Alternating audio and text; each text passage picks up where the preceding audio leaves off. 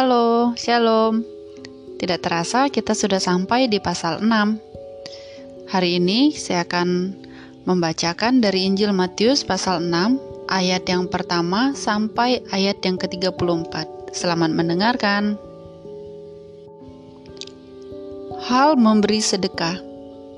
Ingatlah Jangan kamu melakukan kewajiban agamamu di hadapan orang supaya dilihat mereka, karena jika demikian, kamu tidak beroleh upah dari Bapamu yang di surga. Jadi, apabila engkau memberi sedekah, janganlah engkau mencanangkan hal itu seperti yang dilakukan orang munafik di rumah-rumah ibadat dan di lorong-lorong, supaya mereka dipuji orang. Aku berkata kepadamu, sesungguhnya mereka sudah mendapat upahnya.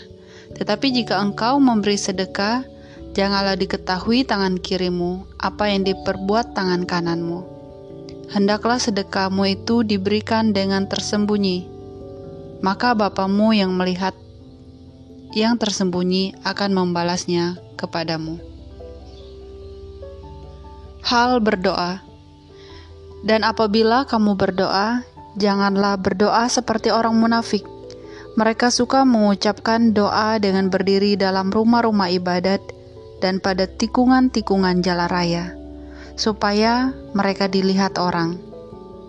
Aku berkata kepadamu, sesungguhnya mereka sudah mendapatkan upahnya. Tetapi jika engkau berdoa, masuklah ke dalam kamarmu, tutuplah pintu, dan berdoalah kepada Bapamu yang ada di tempat tersembunyi. Maka Bapamu yang melihat yang tersembunyi akan membalasnya kepadamu. Lagi pula, dalam doamu itu janganlah engkau bertele-tele seperti kebiasaan orang yang tidak mengenal Allah. Mereka menyangka bahwa karena banyaknya kata-kata doanya akan dikabulkan. Jadi, janganlah kamu seperti mereka, karena Bapamu mengetahui apa yang kamu perlukan sebelum kamu minta kepadanya. Karena itu, berdoalah demikian. Bapa kami yang di sorga, dikuduskanlah namamu, datanglah kerajaanmu, jadilah kehendakmu di bumi seperti di sorga. Berikanlah kami pada hari ini makanan kami yang secukupnya, dan ampunilah kami akan kesalahan kami, seperti kami juga mengampuni orang yang bersalah kepada kami.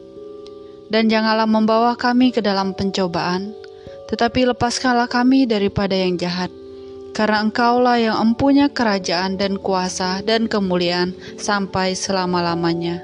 Amin. Karena jikalau kamu mengampuni kesalahan orang, Bapamu yang di surga akan mengampuni kamu juga. Tetapi jikalau kamu tidak mengampuni orang, Bapamu juga tidak akan mengampuni kesalahanmu. Hal berpuasa. Dan apabila kamu berpuasa, janganlah muram mukamu seperti orang munafik. Mereka mengubah air mukanya supaya orang melihat bahwa mereka sedang berpuasa. Aku berkata kepadamu, sesungguhnya mereka sudah mendapat upahnya. Tetapi apabila engkau berpuasa, menyakilah kepalamu dan cucilah mukamu, supaya jangan dilihat oleh orang bahwa engkau sedang berpuasa melainkan hanya oleh Bapamu yang ada di tempat tersembunyi. Maka Bapamu yang melihat yang tersembunyi akan membalasnya kepadamu. Hal mengumpulkan harta. Janganlah kamu mengumpulkan harta di bumi. Di bumi ngengat dan karat merusakkannya, dan pencuri membongkar serta mencurinya. Tetapi kumpulkanlah bagi, bagimu harta di surga, di surga, ngengat dan karat tidak merusakkannya dan pencuri tidak membongkar serta mencurinya. Karena di mana hartamu berada, di situ juga hatimu berada. Mata adalah pelita tubuh. Jika matamu baik, tenang teranglah seluruh tubuhmu. Jikalau matamu jahat, gelaplah seluruh tubuhmu. Jadi jika terang yang ada padamu gelap, betapa gelapnya kegelapan itu. Tak seorang pun dapat mengabdi kepada dua tuan, karena jika demikian, ia akan membenci yang seorang dan mengasihi yang lain, atau ia akan setia kepada orang dan tidak mengindahkan yang lain. Kamu tidak dapat mengabdi kepada Allah dan kepada Mamon. Hal kekhawatiran. Karena itu aku berkata kepadamu, janganlah khawatir akan hidupmu, akan apa yang hendak kamu makan atau minum, dan janganlah khawatir pula akan tubuhmu, akan apa yang hendak kamu pakai.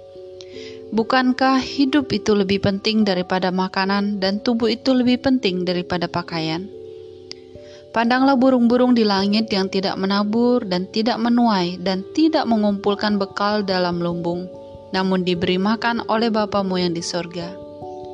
Bukankah kamu jauh melebihi burung-burung itu?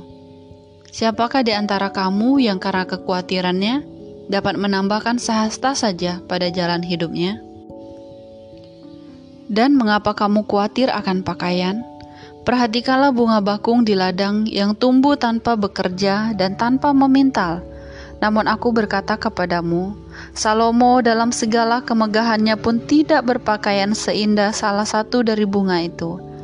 Jadi jika demikian Allah mendandani rumput di ladang, yang hari ini ada dan besok dibuang ke dalam api, tidakkah ia akan terlebih lagi mendandani kamu, hai orang yang kurang percaya?' Sebab itu, janganlah kamu khawatir dan berkata, "Apakah yang akan kami makan? Apakah yang akan kami minum? Apakah yang akan kami pakai?" Semua itu dicari bangsa-bangsa yang tidak mengenal Allah. Akan tetapi Bapamu yang di surga tahu bahwa kamu memerlukan semuanya itu. Tetapi carilah dahulu kerajaan Allah dan kebenarannya, maka semuanya itu akan ditambahkan kepadamu. Sebab itu, janganlah kamu khawatir akan hari esok, karena hari besok mempunyai kesusahannya sendiri. Kesusahan sehari cukuplah untuk sehari. Ya bersyukur kita sudah mendengarkan dari Injil Matius pasal 6. Semoga kita semakin semangat dalam belajar firman Tuhan dan selamat bertumbuh.